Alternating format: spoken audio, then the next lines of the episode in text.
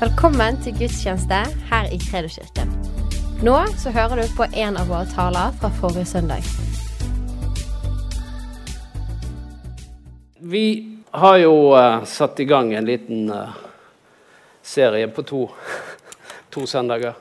Så den har kommet del, jeg, jeg lovte her for 14 dager siden så sa dette er del én. Så nå kommer del to i dag. Så kan det jo være at du tenker det at ja, men nå sitter jeg her. Jeg fikk ikke med meg del én, for jeg var ikke for 14 dager siden. Men da er det noe som heter podkast. Dvs. Si at du kan ha denne appen på mobilen, så kan du høre på preken når det passer deg. Eller du kan gå inn på nettsiden. Der står det MP3. Så kan du klikke på nettsiden, og der finner du eh, forskjellige prekener. Men der, kommer, der ligger også del én sånn at du kan få med deg del én. Men bare for å la deg henge litt med, så har vi en overskrift. Overskriften er 'Har Gud virkelig sagt'? Har Gud virkelig sagt? Det er overskriften. Så vi gikk inn på det sist gang. Og eh, Vi kjenner jo igjen den setningen hvis du har lest Bibelen helt fra begynnelsen. Fra eh, bok nummer én, første Mosebok, kapittel 1, 2. Og når du kommer til kapittel 3, da kommer du til eh, en begivenhet i Edens hage, og der dukker slangen opp. Og så sier han til Eva, 'Har Gud virkelig sagt at du får ikke spise av noen tre i hagen?' Allerede der så begynte han å vri på det Gud hadde sagt. Og så sier jo Eva da at nei, vi kan spise av alle trær i hagen bortsett fra ett. Så det er utgangspunktet. At eh, eh, det er slik at vi har en fiende som heter Satan, som opptrådte som slangen i hagen, som stiller spørsmålstegn har Gud virkelig sagt. Jeg har en venn som heter Åge Åleskjær, og han sier om Jesus. For det er noen som òg eh, vrir på det Jesus sier, og mener det at ja, men det var ikke det han mente. Det var ikke slik han mente det. Nei, det var ikke det han mente.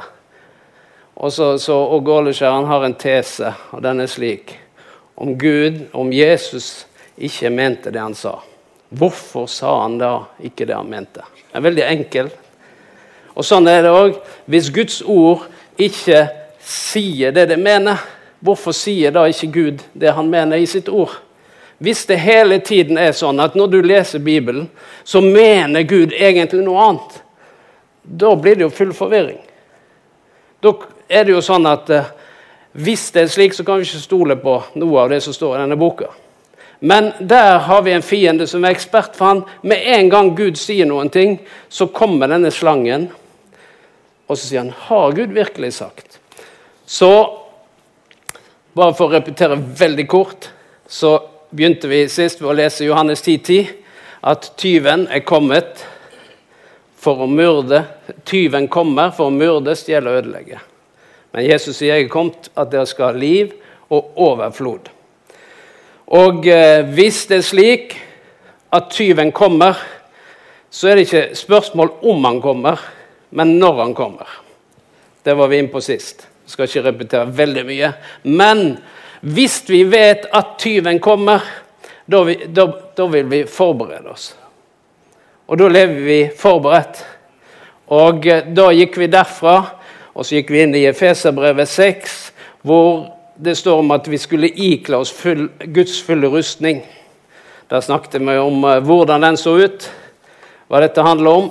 Alt det der får du hvis du hører podkasten eller på nettsiden. Og Da var det å ikle seg belte, brynje, sko, skjold, hjelm, sverd og det å være fokusert. Alt det der må du høre forrige preken hvis du skal få med deg. For vi har ikke tid å ta det i det, men bare litt sånn. Og så så vi at uh, begynte vi å, å, se litt på Når Jesus ble frista, så var det òg slik at uh, uh, Jesus ble døpt. Og når Jesus ble døpt, så står det at så hørtes det en røst fra himmelen som sa dette er min sønn, den elskede, som jeg har behag i. Og når Jesus da Når, når djevel begynte å friste Jesus, så var det noe av det første han angrep, var akkurat det Gud hadde sagt. Han begynte å stille spørsmålstegn. Hva jeg sa, Har Gud virkelig sagt?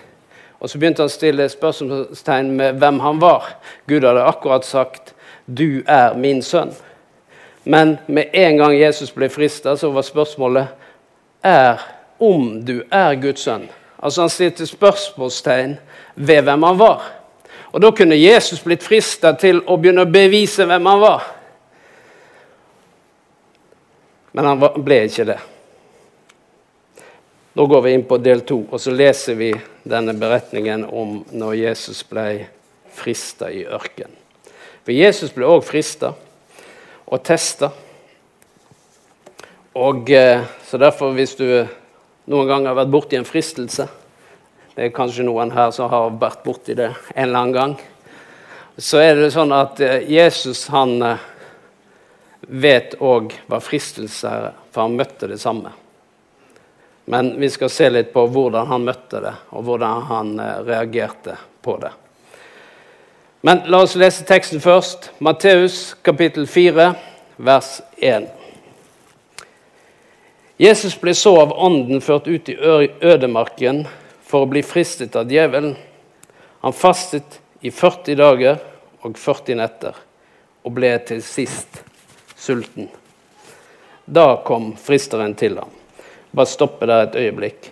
Det som er interessant å se, er For vi snakket forrige om at, eh, at vi skulle bli stående på den onde dag. Og det som er interessant her, det er at når, hvor lenge eh, var det sånn at Jesus ble frista hele tiden i ørkenen? Nei, det står ikke det. Etter 40 dager så ble han frista. Det vil si da han ble sulten det forteller oss noen ting. Det at vi har en fiende som venter på den dagen vi er svake. Fordi at da han ble sulten, kom djevel og begynte å friste. Og hvordan er det, Kan du tenke deg hvordan det er å, å ha fasta i 40 dager? Jeg vet ikke om du har prøvd det. Jeg har ikke prøvd det. jeg skal innrømme det. Jeg har prøvd halvparten, 21. Det som skjer på slutten av en fasteperiode, hvis du vet at nå har jeg to dager igjen av fasten, da begynner det å skje noe med psyken.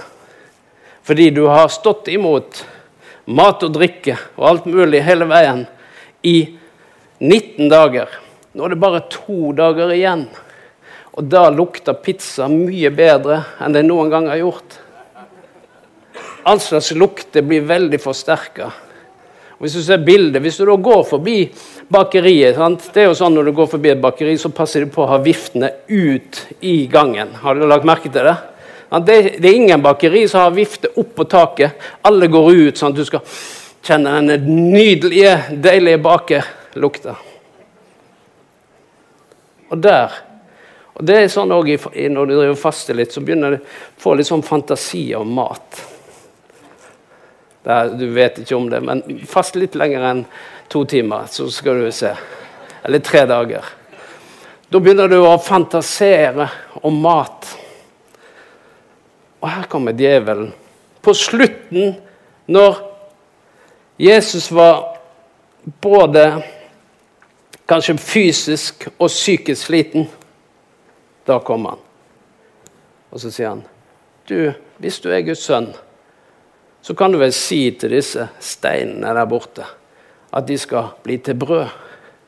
At jeg er sikker på at Jesus begynte å lukte brød umiddelbart. Han kjente at de steinene der begynte å lukte brød. For sånn er det når du har fastet så lenge. For fantasiene du ser, altså, Stein blir til brød bare i fantasien. Og Det er det vi må skjønne. Det er det at eh, Jesus det står at han er prøvd i alle ting på samme måte som oss. Så han er òg blitt testa. Og fordi at han selv er testa, så kan han stå med oss i våre tester. Fordi han selv er blitt frister, frister, så kan han stå med oss når vi blir frister. Vi må bare bringe han inn på banen. For han vet hva det handler om. Og derfor så, Når han vet hva, hva, det handler om, så kan vi lære oss hvordan var hans reaksjon på disse tingene. Så nå fortsetter du å lese. Da kom fristeren til ham og sa, 'Er du Guds sønn, så si til disse steinene at de skal bli til brød.' Jesus svarte, 'Det står skrevet.' Mennesket lever ikke av brød alene, men av hvert ord som kommer ut av Guds munn. Ok, der parerte han den. Da tok djevelen ham med til den hellige byen, stilte han ytterst på tempelmuren og sa:" Er du Guds sønn, så kast deg ned herfra. Nå begynner djevelen òg å sitere Bibelen. For da sier han, for det står skrevet, begynner han å sitere Salme 91. Så hvis du lurte på om djevelen kunne Bibelen, så kan han Han vet hva som står der, han òg. For det ser vi jo her. Der begynner han å sitere Bibelen. Han sier det at han skal gi sine engler befaling om deg, og de skal bære deg på dine hender, og du skal ikke støte foten mot noen stein. Men Jesus sa til ham, det står skrevet. Du skal ikke sette Herren din Gud på prøve. Så der parerte han den. Så tok djevelen med seg opp på et meget høyt fjell og viste ham alle verdens riker og deres herlighet, og sa:" Alt dette vil jeg gi deg dersom du faller ned og tilber meg. Da sa Jesus til ham, Bort fra meg, Satan, for det står skrevet, Herren din Gud skal du tilbe, og ham alene skal du tjene. Da forlot djevelen ham, og se, englene kom og tjente. Så her er tre forskjellige områder som Jesus blir eh, testa på. Men det vi ser, at hver gang han blir testa, så parerer han det ikke med det han følte, men med det ordet sa. Han sa at det står skrevet, sa han. Og hvor sto det skrevet? I Guds ord. Så han parerte det ved å sitere Guds ord. sa han, Nei, det gjør jeg ikke, for det står skrevet at du lever ikke av brød alene. Du skal ikke sette Herren i Gud på prøve.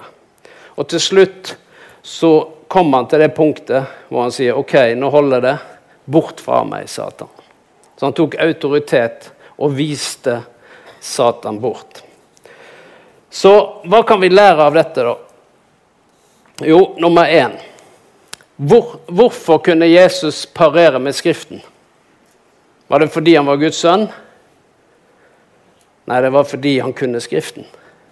For Noen ganger så tror vi at det Jesus gjorde, det gjorde han fordi han var Guds sønn. Og Hadde jeg bare vært Guds sønn, så hadde jeg jo kunnet motstått fristelse. Nå er jo vi sønner og døtre av den samme far. Vi har fått det nye livet på innsiden. Men vi har eh, visse andre utfordringer som heter det gamle mennesket. Men det, det, noen ganger så bedrar vi oss selv ved å tenke at eh, ja, men hadde, vært, hadde, Jesus vært som meg? Hadde Jesus stått i min situasjon? Ja, men prøv da å faste i 40 dager i, ørk, i ødemarken. Og så lar du bakeren komme og si 'Vil du ha brød?' Si til disse her er brød, men du kan jo si til de steinene at de skal bli til brød, så er det slik at det, det er tester vi står for, som kan være tøffe. Og hva er det da? Jo, det er noe som vi har veldig lyst på. Det er denne, dette begjæret etter det som vi hadde lyst på. Så Noen ganger så tenker vi at ja, men fordi Jesus sier det, så er det greit. Men det er ikke fordi han er Guds sønn. Det er fordi det er ikke det som han parerer med. Han sier ikke 'jo, jeg er Guds sønn'. Så kommer ikke her. Nei, han bare sier hva Guds ord sier. Og da kan vi lære noen ting. Fordi at Noen ganger så blir vi òg testa på hvem vi er. For det var det han testa på. Og så plutselig så skal han få Jesus til å bevise hva han gjorde, ved å gjøre et under. Men da lot ikke Jesus seg presse men han henviste til hva Guds ord sier. Og vi kan gjøre det på samme måte. Vi kan si på samme måte. Men hvorfor kunne han det? Var det da fordi han kunne, at han var Guds sønn? Nei, det var fordi han kunne Skriftene. Så Derfor er det at hvis vi ikke kjenner hva denne boka sier, så er det ikke så lett å parere. Og Det er derfor vi nå i de siste ukene har liksom bare bomba på med Guds ord, Guds ord, Guds ord. Hele Skriften er inspirert av Gud. Ta til deg Guds ord, lær deg Guds ord, finn ut hva Skriften sier. Hvorfor har vi gjort det? Jo, fordi at vi skal stå parat. Eh, forrige søndag, eller når vi snakket om del én, så snakket vi om, om eh, eh, åndens sverd og, og eh, frelsens hjelm, som er Guds ord. Dvs. Si at vi må fylle sinnet vårt med Guds ord. Og så sverdet betyr at vi må bruke Guds ord. Handle på Guds ord. Så vi skal bare beskytte sinnet vårt, og så skal vi handle. Men det er slik at når vi kjenner Guds ord, da forstår vi når fienden vrir på det. Når han prøver å vri på det han prøver å si, eller prøver å få oss til å, å gjøre noe som ikke er i samsvar med Skriften. Så Derfor er punkt én Jesus kjente Skriften. Han visste hva Guds ord sa. Men det andre her, det er det at han, som ikke står direkte i teksten her, men han visste hvem som var hans himmelske far. Han visste hvem Faderen var. Og det er det ene. Det er at Én ting er at vi kjenner Skriften, men en annen ting er at vi kjenner igjen hvem Gud er hvem vår himmelske far er. Fordi når vi kjenner vår himmelske far, så kjenner vi igjen hans natur, hans vesen, hans nåde, hans barmhjertighet, hans godhet. Det vil vi kjenne igjen. Og eh, det var slik eh, at det var en av disiplene som sa Vis oss Faderen, så vi vet hvem han er. I Johannes kapittel 14. Der står det slik Fordi at han har en samtale med disiplene.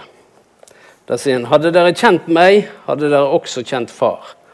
For nå av kjenner dere ham og har sett ham. Det er vers 7, 14, 7. Og Philip sier til ham, Herre, vis oss Faderen eller Far, og det er nok for oss. Og så er det litt sånn artig med Jesus' respons. Det er nesten litt sånn Åh, litt sånn oppgitt når du leser neste setning. Av og til så må du lese Bibelen med litt sånn fantasi, litt innlevelse. At du liksom tenker Hva er det? Å, Philip. Så lenge har jeg vært hos dere, og likevel kjenner du meg ikke. Og så sier Jesus noe interessant. Den som har sett meg, har sett Faderen. For Noen ganger så tenker vi hvordan kan jeg lære min Gud å kjenne? Hvordan kan jeg lære Guds hjerte å kjenne? Jo, da kan vi se på Jesus sitt liv. Hvordan Jesus levde, hvordan Jesus agerte. Hvordan han, hans respons var til, til situasjoner og folk rundt seg. Tror du ikke at jeg er i far og far i meg? De ord jeg taler til dere, taler jeg ikke av meg selv, men far som blir i meg.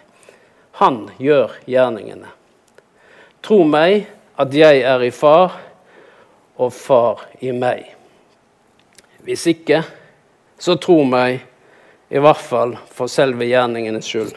Så han sier det at eh, om du ikke tror det jeg sier, så se i hvert fall på det jeg gjør.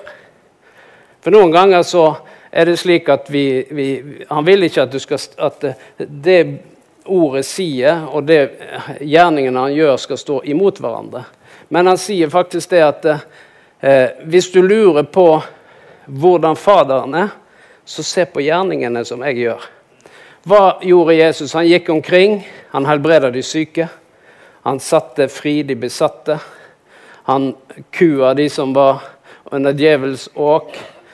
Han kom med tilgivelse. Når denne kvinnen var, var grepet i, i hor, så sa loven at da skulle hun steines. Mens Jesus snudde på det og sa at den som er uten synd, kan kaste den første steinen. Så, så plutselig der så viser han Guds hjerte. Guds hjerte for denne ene Så han sier, 'Har ingen fordømt deg?' Jeg heller fordømmer deg ikke. Gå bort og synd ikke mer. Så Derfor så er det slik at Jesus sier én ting er undervisningen min. Det jeg underviser. For noen ganger så kan vi tenke at vi skal kun eh, altså Gud er kun opptatt av undervisningen. Men han er ikke det. Det er det Jesus sier. At eh, hvis du ikke tror meg, så på en måte så er det slik at Gud demonstrerer seg sjøl gjennom mer enn ord. Han demonstrerer seg sjøl ved å helbrede de syke, ved å frelse de fortapte, ved å bryte åk og sette mennesker ut i frihet. Gjennom det så demonstrerer han hvem far er. Så Derfor så, i denne fristelsen, så er det slik at uh, han går ikke på disse tingene fordi han vet hvem far er. Så han trenger ikke sette far på prøve. For han trenger ikke beviset. Altså Han trenger ikke Guds bevis. Så kast deg ut herfra og se om englene kommer.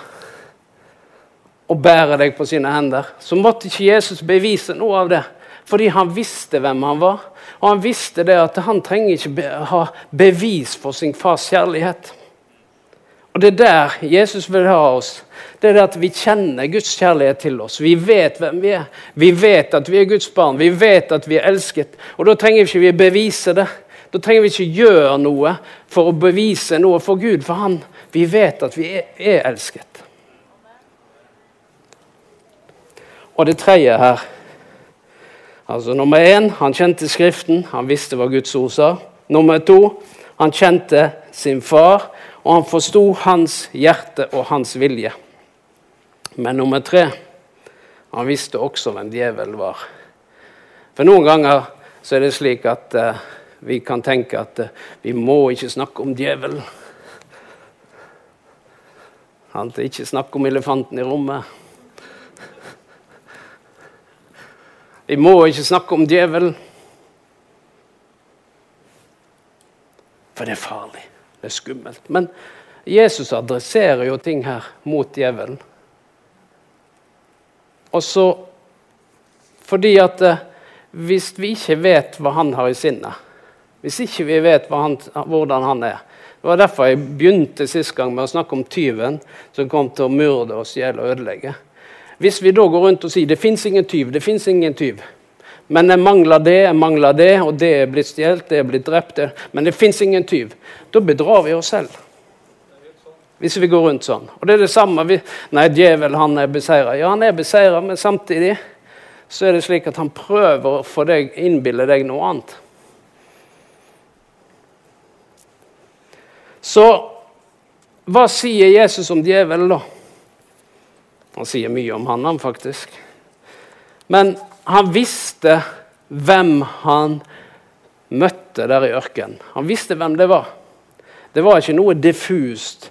Det var ikke en følelse. Det var ikke et eller annet som, som bare var der i det fjerne. Nei, det var noe helt konkret. Det var en person. Og Jesus adresserte denne personen ved til slutt å si 'Vik, Satan'. Forsvinn. Vik bort fra meg, Satan. Men Jesus visste hvem han hadde med å gjøre. Derfor så sier han i Johannes 8, vers 44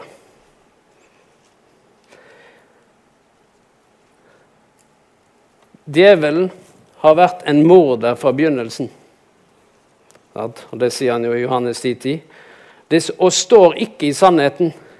Det finnes ikke sannhet i ham. Når han lyver, taler han ut fra sitt eget. Han er en løgner og løgnens far. Mer tydelig kan det vel ikke sies. Han er en løgner, en løgnens far. Og Derfor er det jo sånn at hvis vi uten å være klar over det, lytter på tanker som kommer ikke fra det Bibelen sier, så plutselig, uten å være klar over det, så lytter vi på løgn. Og så står det at det, det fins ikke sannhet i han. Men noen ganger så er det sånn at når noen lyger så er det alltid et snev av sannhet. Men det er forskjell på at noen forteller sannheten, og det å fortelle en sannhet delvis. Fordi da kan denne sannheten bare være en løgn. For å prøve å og eh, bedrar bedra, bedra, oss på en eller annen måte, eller lure oss eller friste oss. Også. Men så, så, Jesus han visste hvem han hadde med å gjøre. Så derfor så det er greit å vite hvem du er, hvem Gud er, hva Skriften sier, men òg hvem som er din fiende. At vi har ikke makt, kamp mot kjøtt og blod, leste vi forrige gang, men mot makten og myndighetene i denne verden. Så der står vi i denne spennvidden. Men det som er bra, det er å lære av Jesus. Slik at eh, hvis Jesus møtte det på denne måten, så kan vi gjøre det samme. Da kan vi òg møte det på samme måte som Jesus møtte det. Det er å la Guds kjærlighet bare smelte oss. La Guds kjærlighet overvelde oss. La Guds barmhjertighet og Guds nåde bare gjennomsyre oss, sånn at vi skjønner at Gud er god. Og han vil oss alltid det beste. Det er ikke slik at han prøver å stikke kjepper i hjulet og prøver å få det til å snuble og falle. Det er ikke han som står bak det. Og nå legger han opp en eller annen fristelse foran deg, for nå skal han se om han får det til å falle. Nei, det er ikke sånn. Men i Jakob 4 så står det noe. Det står at Gud står de stolte imot, men de ydmyke gir han nåde. Bøy dere da for Gud, men står djevelen imot, så skal han flykte fra dere. Så her kommer det igjen at Gud står de stolte imot, men de ydmyke gir han nåde. Og da tenker jeg sånn at Hva er ydmykhet i denne forståelsen her? Jo, det står at vi skal ydmyke oss under Gud. Bøy dere da for Gud, men står djevelen imot. Og da er det slik at igjen så havner vi tilbake til dette. Det å gi Guds ord rett. Fordi når det er så at vi skal bøye oss under Gud, så er det sånn at når Bibelen sier noen ting, da kan vi velge, dvs. Si, stoltheten, og si at 'nei, jeg ser det ikke slik'. Nei, jeg mener ikke sånn. Nei, jeg ser det står der, men Fordi at, hva er det da? Da bøyer vi oss ikke under Guds ord. Men det er når vi ser at ja, men dette sier faktisk Skriften. Og jeg tenker dette. Da er det slik at da må vi ydmyke oss og si at jeg tar feil. Jeg gir Gud rett og gir meg selv feil. Jeg bøyer meg under Gud. Og så sier jeg at jo, jeg gir Gud rett. Og så bøyer vi oss under Gud. Og så står det noe annet igjen der. Så står det at vi skal stå djevelen imot, så skal han flykte fra dere. Det var jo det Jesus gjorde. Så hvis Jesus holder på med det, og Jakob sier at vi kan holde på med det, så kan du holde på med det, og jeg kan holde på med det. Betyr det at uh, det er djevel i hver busk og hver krok, og alt som skjer, er djevel. Nei, det er ikke det.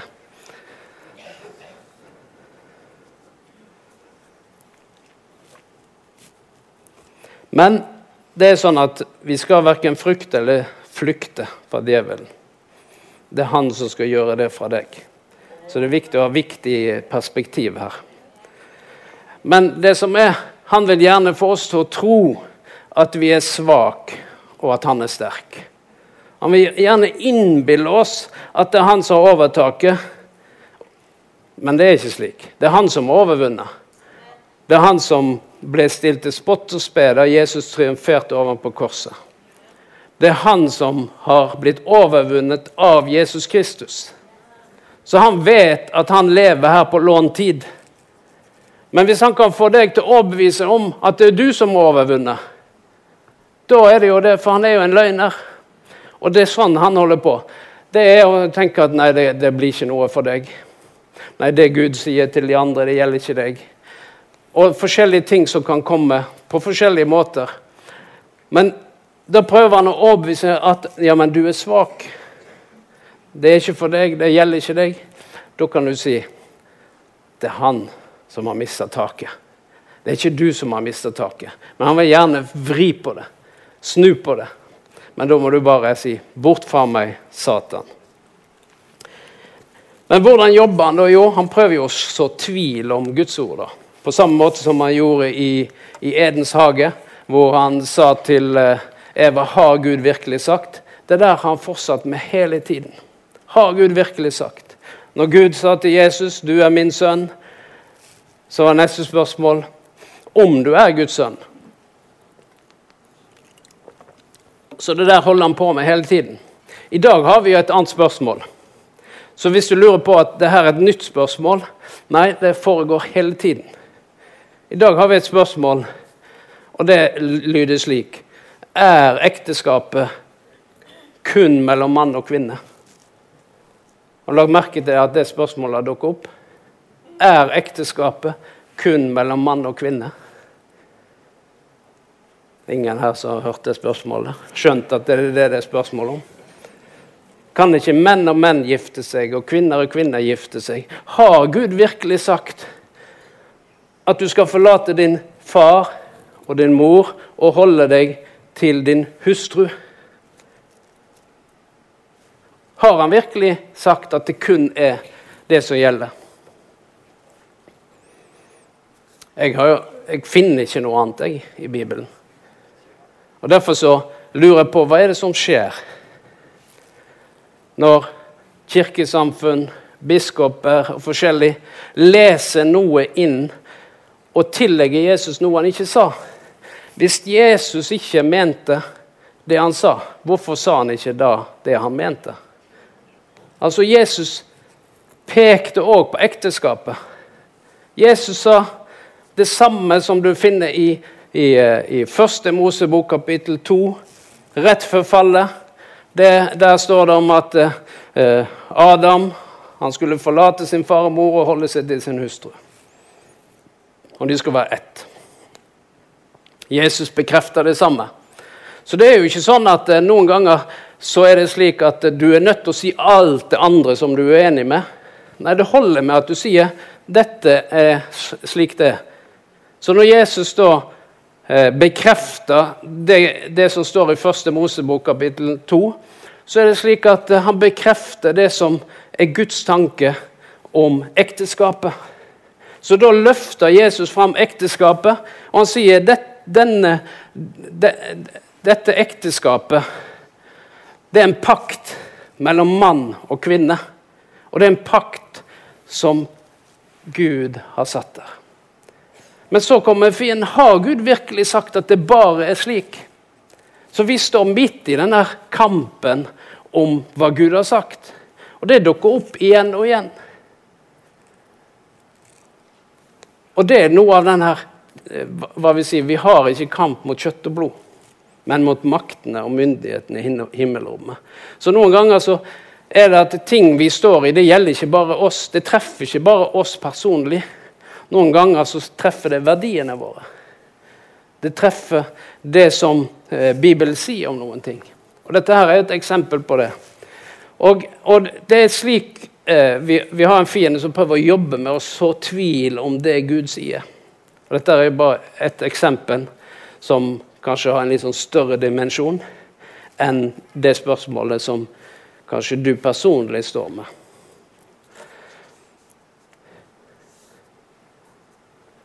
Men så er, er det slik at eh, Er det slik at eh, Jeg sa jo det, så kan vi skylde på djevel hele tiden. Djevel i hver busk. Djevel etter meg. Eh, nei, noen ganger så må vi bare være ærlige med oss selv. Og eh, Så spørsmålet er hvor kommer fristelsen fra? Altså, hvor, hvor, er det disse tingene kommer fra? Jo, Jakob han eh, går rett på sak. Han sier det at eh, eh, Gud fristes ikke av det onde, og selv frister han ingen. Så da har vi slått det fast at det kommer ikke fra Gud. Så hvis du blir fristet så er det ikke sånn at det er Gud som har lagt noe foran deg, slik at han skal se om du blir fristet eller ikke. For Her står det at han fristes ikke av det onde. Han selv frister han ingen. Så da kan du ta det bort. For noen ganger så tenker vi at det er Gud som setter meg på prøve her en fristelse. Men da kan du ta den bort. Nei, Gud frister ikke. Han prøver ikke å få deg til å falle. Det er ikke Gud som prøver å få deg til å falle. Så du må sortere på hvem er det som prøver i så fall å få deg til å falle. Da er det han løgneren som prøver å få deg til å falle. Tyven prøver å få deg til å falle. Så derfor må du aldri tenke at Gud prøver, at det faller fordi Gud fristet meg. Nei, bort med det. Men så står det noe interessant her. At alle som blir fristet av sitt eget begjær Alle blir fristet av sitt eget begjær, som lokker og drar. Ok, det var interessant. Nå har vi jo skyldt på djevelen en stund her. Gitt han skylda for det meste. Men plutselig kommer vi selv inn i bildet. Og så sier han det at nei, en lokkes av sitt eget og dras av sitt eget begjær. Og står det når lysten blir svanger, så føder den synd. Og når synden er moden, så fører den til død. Så her skjønner vi det at uh, vi har noe som heter det gamle mennesket.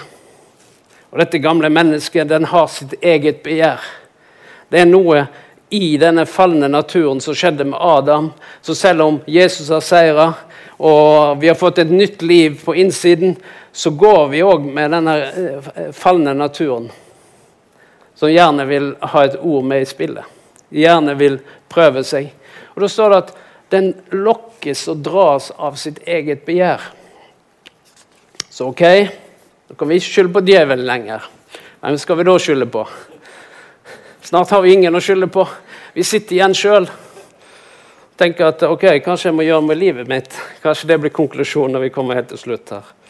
Men eh, i Getsemane så sier Jesus noe. Fordi at han er, er der sammen med disiplene sine.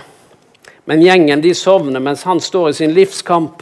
Tenk deg å ha en sånn gjeng da, hm? med deg.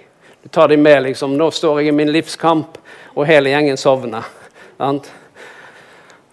Det hadde ikke jeg gjort. Kjenner synge Bjørn Eidsvåg. Jeg hadde ikke sovna, synger Bjørn Eidsvåg. Jeg hadde kjempa sammen med deg. Har du hørt den sangen?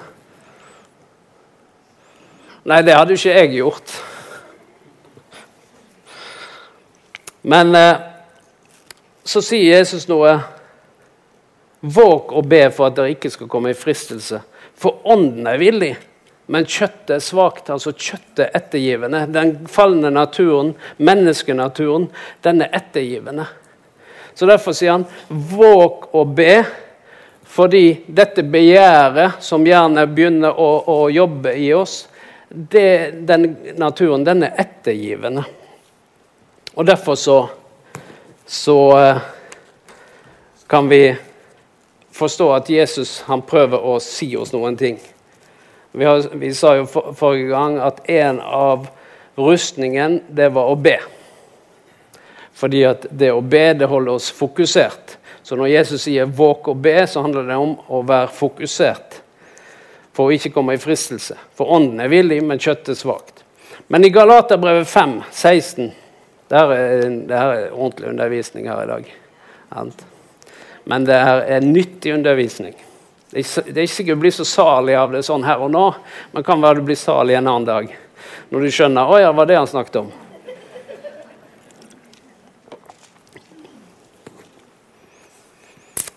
Det er noe veldig interessant i Galaterbrevet 5. Jeg tror jeg skal lese teksten der. Fordi veldig ofte så leser vi fra Galaterbrevet 5, så snakker vi kun om åndens frukter. Glede, fred, kjærlighet, godhet, overbærenhet osv. Det pleier vi å å, da, Vi dveler med det. Og det er fint, men det står noe mer i den teksten. Jeg sier dere, vers 16, lev i ånden, da følger dere ikke begjæret i vår syndige natur. For vår onde natur står med sitt begjær ånden imot og ånden står imot vår natur. De to ligger i strid, slik at dere ikke er i stand til å gjøre det dere vil. Blir dere da drevet av ånden, da er det ikke under loven. Det er klart hva det er som kommer fra vår onde natur. Hor, umoral, utskeielser, avgudsdyrkelse, trolldom, fiendskap, strid, rivalisering, sinne, selvhevdelse, stridigheter, partier, misunnelse, full festing og for sikkerhets skyld mer av samme slag. Som jeg har sagt før, De som gjør slik, skal ikke arve Guds rike. Men åndens frukt er kjærlighet, glede, fred, overbærenhet, vennlighet, godhet, trofasthet, tålmodighet, selvbeherskelse. Slike ting rammes ikke av loven. De som hører Kristus til, har korsfestet, korsfestet sin onde natur med dens lidenskap og lyster. Har vi fått liv ved Ånden, så la oss også leve ved Ånden. Altså, Her står det om at Ånden og kjøttet, altså den falne naturen, de står hverandre imot. Og det er jo Noen ganger så kan vi kjenne på denne fighten mellom dette eh, begjæret etter ting som du vet ikke er til Guds behag, og det som Ånden vil. Så står det her at de, de står hverandre imot. De, de, de har ulike begjær.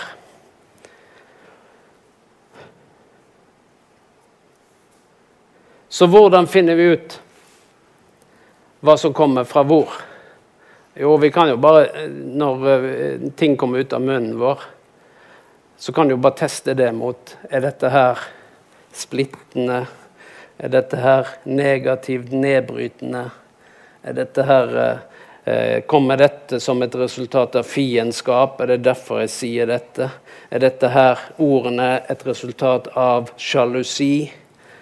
Eh, når jeg nå blir sint, og disse stygge ordene kommer ut av munnen min, hvor kom det fra? Er det da du sier 'vik bak meg, Satan'? Men han var ikke bak deg. Det var du som sa det, det var ikke djevelen som sa det. Så du kan ikke skylde på han. For det var, du, det var dine ord. Det var din handling. Det var du som drev hor. Det var du som gjorde det. Det var jeg som sa det jeg ikke burde sagt. Kan jeg da skylde på noen andre? Eller kan jeg ta ansvar og si at eh, dette er faktisk en del, en handling, som jeg ikke er stolt av. Men det som er viktig å adressere, det er hvor kommer det fra? Jo, dette her kommer, tilhører det gamle mennesket. Og Det står i kontrast til glede, fred og kjærlighet, dette som er frukten fra vårt nye menneske, fra Ånden. Så Derfor så er det lett å merke det. Så derfor ved å se på våre ord og handlinger så vet vi hvor ting kommer fra. Men da må vi være ærlige. sant? Vi sa jo det at vi måtte ikle oss sannhetens belte forrige gang. Så da må vi være sanne med oss selv. Vi må faktisk være ærlige og sanne og si at det der kommer fra det gamle mennesket, den gamle naturen. Spørsmålet er hvordan skal du gjøre noe med det? Jo, det er jo litt sånn da, at hvis vi gir altså, For å ta et eksempel. Hvis du leser Se og Hør hver eneste uke Du må ha det siste Se og Hør. Det er kanskje noen som ikke vet hva Se og Hør er, men Se og Hør er et ukeblad som er full av sladder. Og så lurer du på hvorfor har jeg problemer med sladder. Og du bare kjemper, du står imot sladder. Du bruker all din energi på å fokusere mot sladder. Men løsningen er ikke å kjempe mot sladder. Løsningen er å skru av den kanalen hvor du gir mat til sladder. Andre sier jeg har problemer med urene tanker. Jeg har sånne problemer med urene tanker. Ja, men kanskje det er det at det, det er noe du må skru av, som fyller deg, sinnet ditt, med urene tanker.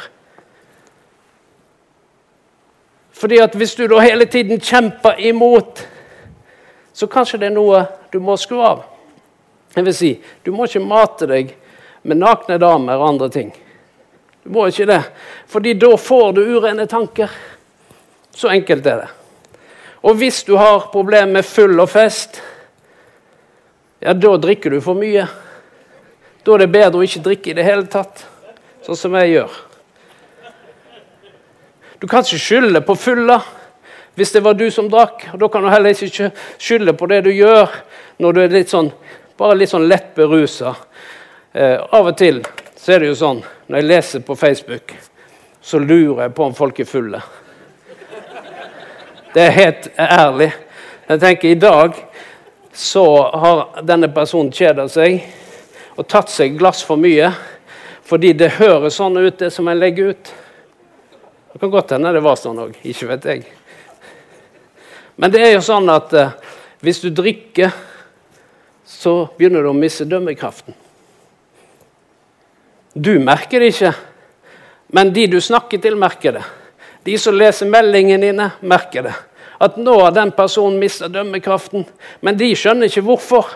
Det er bare du som vet. Men du vet jo ikke, fordi at du tenker at det var jo så lite. Jeg har jo full kontroll. Men det er jo sånn vi tenker. Vi har full kontroll. Og så leker vi litt med det, og så leker vi litt med Vi fyller oss med feil saker. Så løsningen, det er å ikke mate kjøttet, men mate ånden. Så derfor så er det sånn hvis du har en eh, Hvis du har en, eh, en hund, en aggressiv hund, hvordan får den Da må du slutte å mate den hunden. Nå, nå, kommer jeg til å få dyrevernet på nakken her.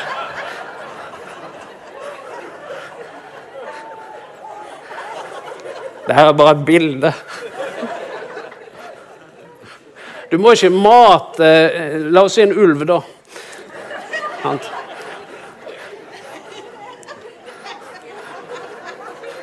Da får vi Senterpartiet på nakken istedenfor. Men det er slik at noen ganger som hvis du mater ulven, så blir han sterk. Hvis du ikke gir han noe næring, så blir han svak. Og det er nesten sånn at hvis vi gir næring til den gamle naturen, ved det vi fyller på oss, og samtidig skal stå imot Så utfor, eh, løsningen er i grunnen ikke å stå imot, men å gi ting, det riktige næring. Jeg vil si å gi ånden næring. Og da står det at eh, vår ånd den næres av fellesskapet med Gud, fellesskapet med andre troende. Den næres i bønn og i lovsang, i nattverd. Det står disse eh, prinsippene i eh, apostelgjerningene 2. Slik at det å gi næring til ting, det er istedenfor å kjempe imot For det er det mange gjør. De kjemper imot alle disse tingene. De fighter imot. Og så får hele fokuset Så blir du syndefokusert. Ja, men da er, da er du blitt lurt trill rundt. Fordi at en må bare skifte fokus. En må bli nådefokusert. Og tenker jeg at Foruten for Uten så blir det eh, slik at eh, det blir basert på fordømmelse, det vi holder på med. Fordi at når ting skjer, og, og så kommer fordømmelse, så mister vi frimodigheten. Men problemet er at hvis vi da bare fortsetter å kjempe imot det ene og det andre hele tiden Nei, vi må, klart vi skal si nei. Vi må slutte å fylle oss med visse ting. Fordi at da stenger du tilgangen så det er nummer én steng tilgangen. Nummer to det er å fylle på med noe annet. Og Det er derfor hun sier ja, men la deg fylles av Guds ord. Hør på undervisning. Ha fellesskap med troende som bygger deg opp, som snakker tro, og som forkynner eh, det positive budskapet og evangeliet, som setter deg fri. fordi det er det som er nøkkelen. Det at Gud ønsker å sette oss fri. Fullstendig fri. Vi har dette kjøttet, men så står det at hvis vi ved ånden dreper kroppens døde gjerninger, det betyr at du er en vinner. At vi har i oss det som skal til for å seire. Det står at vi er med i hans seierstog. Det, vi er med i triumftoget. Så når vi snakker om at vi har, har, uh, har en fiende Jo da, vi har en fiende, men vi har også et kjøtt. Så vi må bare stenge ned dette kjøttet, og så må vi gi næring til ånden, fylle på. Så skal du se at det, ting kommer til å forandre seg. Så la, ha, så la oss ha riktig fokus. For har Gud virkelig sagt Ja, han har sagt at du er på det seirende laget. Han har sagt at han er for deg, han er med deg. Han holder ikke synden opp imot oss. Han holder nåden. Det er den han inkluderer oss i. Så Derfor er det sånn at vi har alle muligheter og alt som skal til for å leve dette kristne livet sammen med Han. Han har nedlagt det på innsiden i, oss. Det er ikke sånn at vi trenger opp til himmelen for å hente han ned. Ned avgrunnen for å hente han opp, står det. Men ordet er oss nær, i vår munn og i vårt hjerte. Han har tatt bolig i oss på innsiden av oss. Og han som er i oss, er større enn det han som er i verden. Det livet som vi har, det har sprengkraft i seg. Det har makt i seg til å drepe kroppens døde gjerninger. Vi er fulle av liv. Død det tilhører noe annet. Men når vi er fulle av liv, så er det sånn at dette livet Så Jesus sa han kom for å gi liv, og liv i overflod. Så kommer det livet det kommer til å kvele dødens ånd. Det kommer til å kvele negative tanker. Det kommer til å kvele dette som har med kroppens begjær. Bare fylle på. Og fylle på med Herren. Amen. Takk, Herre. For du har sagt at du skal være med oss alle dager, Herre. At du alltid er der, Herre. Takk, far, fordi at vi, du har gitt oss ditt ord, slik at vi kan lære. Slik at vi kan forstå, slik at vi kan se og skjønne hva du prøver å vise oss. Takk, Jesus Kristus, at du har gått der foran. At du har vist oss vei. At du har åpenbart for oss hvordan eh, eh du møtte fristelser, hvordan prøvelser. Vi takker deg fordi vi kan lære av deg, Jesus Kristus, at du er vårt forbilde. Du er ikke bare vårt forbilde, men du er den som har tatt bolig i oss med din kraft, med din styrke, med ditt liv. Jeg får takke Far at vi har alle muligheter til å leve, til å nyte, til å ta imot alt det gode som kommer fra deg. Så nå ønsker jeg bare å velsigne hver enkelt en, Herre. Du vet hva som foregår i hver enkelt sitt liv, Herre. Og de som hører på podkast nå, Herre, så vet du om det er ting som foregår i livet som en eh, ikke helt makter å få herredømme over. Da ber jeg, Herre, at eh, nåden skal tale sterkere enn fordømmelsen. Vi ber om det, Herre. At jeg skal kjenne at du er ikke imot dem, men du er for dem. Og at ditt blod det renser for all synd. Og det setter fri. Fullstendig fri. Jeg takker deg for det. Takk, far, for at du gir kraft til å overvinne. Vi ærer deg for det. Vi ærer deg for det. Takk, Jesus. Skal vi bare reise oss? Skal vi bare stå her? Kan vi Skal vi ta og synge sammen òg? Så Men jeg håper virkelig at uh, når vi er inne på disse tingene, så berører vi berører litt følsomme ting. Fordi at eh, vi har alle ting vi kjemper med. Og jeg tenkte på forberedelsen, så, så er det noen ganger så kan en tenke det at eh, vi som eh, står her og taler, vi kan fremstå som om vi ikke har noen problemer. For vi smiler jo hver gang du ser oss.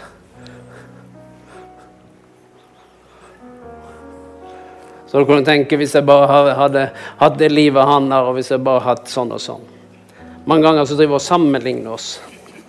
Tenker at det Gud har for han, det har han ikke for meg. Men det er sånn at uh, det her er tilgjengelig for alle. Og vi møter alle prøvelser. Til og med jeg som er pastor, har kjøtt. Nå snakker med kona mi. Og hvis du ikke trodde det, så har hun det samme.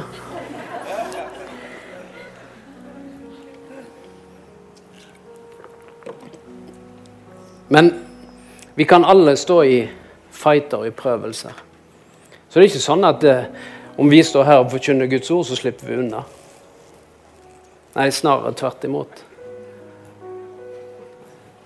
For vet du hva fienden vil? Han vil angripe hurden for å spre fårene. Så hvis du tror at vi er mindre utsatt enn deg, så er det ikke sånn. Vi har de samme prøvelsene. Og noen ganger så har vi litt mer i perioder. For Noen ganger så begynner vi å unnskylde oss med å tenke at ja, men du har så lett liv, og hadde du hatt det sånn som jeg har det Og hadde du bare vært i min situasjon du, Så plutselig begynner vi å unnskylde som om Gud ikke er mektig til å gjøre noe i din situasjon. Eller i min situasjon. Nei, Gud er der. Han er i akkurat den situasjonen du er i nå. Han vet hvilken kamper du har. Og Det er derfor at han måtte prøve ting på samme måte. Han ble fristet, slik at han kan stå med oss når vi blir fristet. Så han kan styrke oss når vi møter på ting.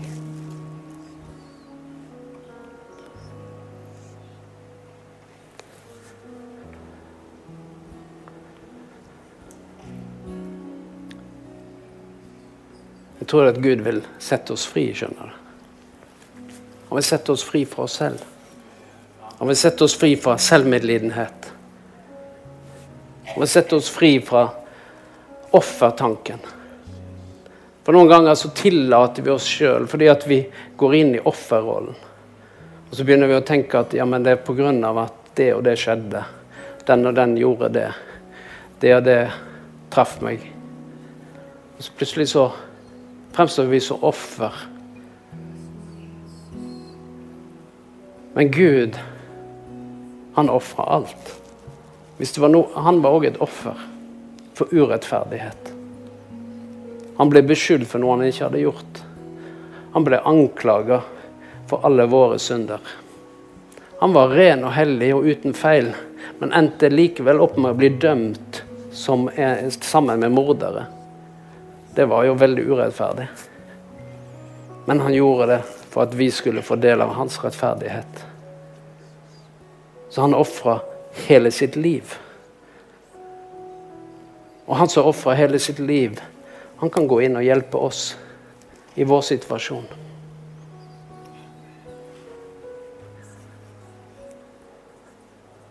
Og Derfor så vil han hjelpe hver enkelt en som er her nå.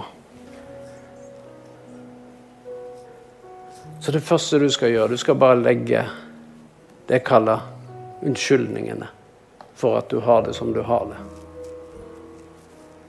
Eller årsaken til at du har det sånn du har det. Så skal du legge den ved Jesu føtter her og nå.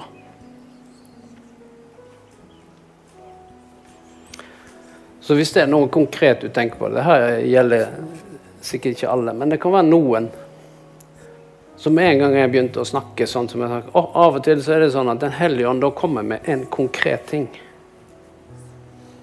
Bør ikke liksom, Hvis det er diffust i en eller annen eh, skodde hav, da bør ikke du dvele så mye med det.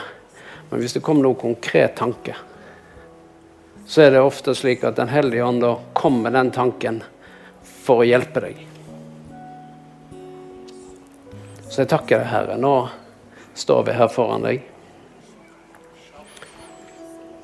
så vet vi, Herre, at du vil oss det beste. Du vil oss alltid det beste. Og Derfor så legger vi foran deg oss selv. Og vi legger ned det som tynger, Herre. Synden som så lett henger ved oss, Herre. Det legger vi ved. Det legger vi ned ved ditt kors, Herre. Ting som har fått litt grepet på oss, Herre. Vi bare setter navn på det, og så legger vi det ned der. I Jesu Kristi navn.